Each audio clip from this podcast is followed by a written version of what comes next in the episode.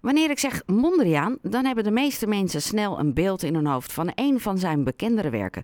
Beelddenker of niet, je hebt meteen dat je denkt dat is het. En wanneer zijn werk ter sprake komt op een verjaardag, is niet altijd iedereen positief over die witte en zwarte strepen en de kleuren rood, blauw en geel. Wat stelt het uiteindelijk voor en kon hij wel schilderen? Maar een oplettende bezoeker heeft vast wel eens een ander werk gezien. Bijvoorbeeld een landschap van zijn hand.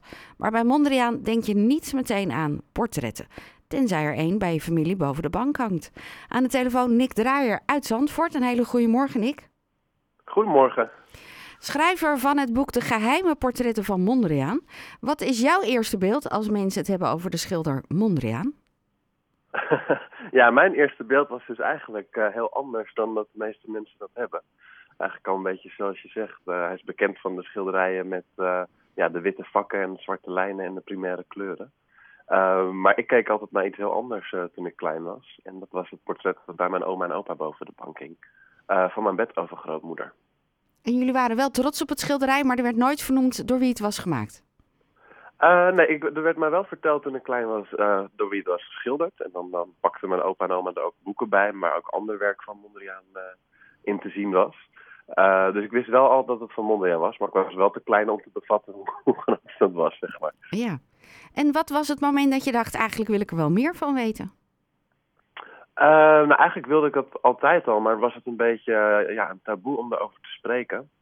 Um, en uh, dat ging eigenlijk pas met de verkoop in 2018, dat mijn oma het schilderij verkocht. Dat ik wat meer mocht vragen over het portret. En um, ja, ik schreef zelf toen een kort verhaal over iemand die terug in de tijd ook gaat poseren en daarbij zijn leven overdenkt. En toen belde ik mijn oma van, nou, hoe zat dat nou eigenlijk met dat portret? En uh, hoezo hebben wij een Mondriaan in de familie gehad? En toen ging eigenlijk het hele verhaal uh, kwam toen tot leven. En uh, ja, drie uur later ging ik op met aantekeningen vol.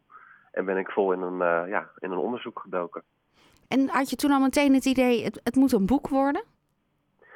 niet meteen. Ik had eigenlijk in die zoektocht raakte ik via Mondriaans biograaf werd ik ja, in contact gebracht het RKD, het Instituut voor de Kunstgeschiedenis in Den Haag. En daar bleek dus een mapje over mijn familie te liggen en ja, hun band met Mondriaan. Um, dus daar ben ik natuurlijk naartoe gegaan en uh, heel erg nieuwsgierig.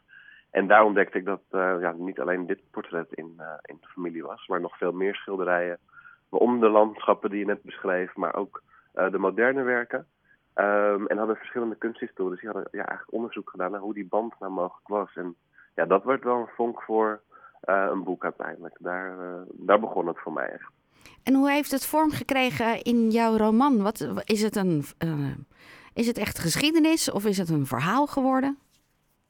het is een familiegeschiedenis. Het, het is, het is non-fictie, dus alles is ook waar gebeurd. En eigenlijk door middel van heel veel gesprekken um, en onderzoek is dat samengesteld. En wat het eigenlijk is geworden is een verhaal van deels van mijn zoektocht. Um, naar dat geheim, wat dus altijd aan de muur hing bij mijn oma en opa. Uh, en naar wie de familie daarachter is. En het schilderij was um, uh, in opdracht gegeven van uh, Kees Bergman, mijn bedovergrootvader. En hij bleek dus heel goed bevriend met Mondriaan te zijn. En kreeg ook schilderles van hem. En samen maakte zij deel uit van de kunstzinnige wereld begin vorige eeuw in, in Amsterdam en omstreken. Um, en dat kreeg langzaam steeds meer kleur. En eigenlijk volg ik die twee mannen gedurende hun levens en, en beide hun dromen waarmaken. Um, en is het portret eigenlijk een soort van rode draad die de familie vuur, um, volgt langs de muur. En ook eigenlijk um, ja, de bepaalde invloed die dat portret heeft gehad op de familiebanden. Uh, dat is waar het verhaal over gaat. Uh, het had dus invloed op de familiebanden, ook omdat het gewoon veel geld waard werd met de tijd? Is dat altijd geld op de achtergrond? Nou, dat, dat, toen nog niet zozeer, want ja, Mondriaans werken zijn echt pas na zijn dood uh, flink in de prijs gestegen. En uh, hier ging het eigenlijk meer om een stuk emotionele waarde. Dus uh, de vrouw die afgebeeld is, is natuurlijk, ja, die was moeder van meerdere kinderen. En uiteindelijk na haar dood kreeg um, de moeder van mijn oma kreeg het schilderij. Nou ja, waarom kreeg zij het en waarom haar broers en zussen niet? En, en dat, dat, dat zorgde voor spanningen, wat uiteindelijk jaren later nog steeds terug zou komen. En dat zijn steeds van die terugkerende elementen. Ook wel lastig, hè? Je begint met iets leuks. Je denkt, ik laat een portret van mijn vrouw maken.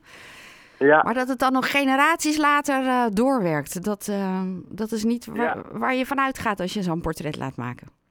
Nee, zeker niet. Nee, en dat is ook wat, waar ik echt achter kwam in, in, in, het, in het verhaal zelf. En wat in het boek naar voren komt, is dat alle keuzes die gemaakt worden door je voorouders, dat die nog heel veel invloed hebben en eigenlijk doorcijpelen in de geschiedenis, maar ook jouw persoonlijke geschiedenis. Dus dat vond ik heel interessant om, om op die manier te onderzoeken.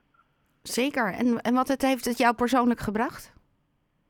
Uh, persoonlijk heeft het mij gebracht dat ik um, ja, veel meer erachter ben gekomen waar ik vandaan kom.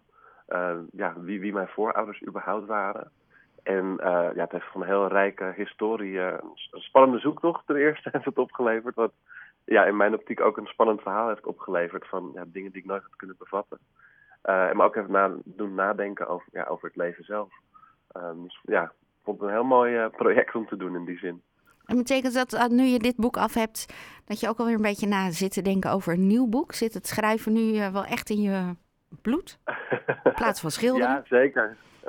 dat, dat gaat er niet zo snel uit, dat schrijven, denk ik. Um, ik ben zeker bezig met iets nieuws, maar nog wel echt in een onderzoekende fase. Um, maar ja, dat, uh, hopelijk uh, kan dat ook doorgezet worden. Nou, Zeker. wie weet. Het boek is te verkrijgen bij uh, de boekhandel, gewoon bij ons, overal in het centrum van Heemstede, Haarlem, Bloemendaal, Zandvoort. Ja. Niet bij die grote blauwe meneer, maar gewoon bij de boekhandel. dat was een beetje de hint eigenlijk, die ik erin probeerde te stoppen. Nick, dankjewel. En ontzettend veel plezier ook met het vertellen over je boek. Want je mag de boekhandels weer in. Ze kunnen je weer vragen om er wat over te gaan vertellen. Ja, superleuk. Ik heb er enorm veel zin in. Nou, dat kan ik me van alles weer voorstellen. Hele fijne zondag. En uh, nou, uh, Jordan Nick Draaier, schrijver van het boek De Geheime Portretten van Mondriaan. Fijne zondag.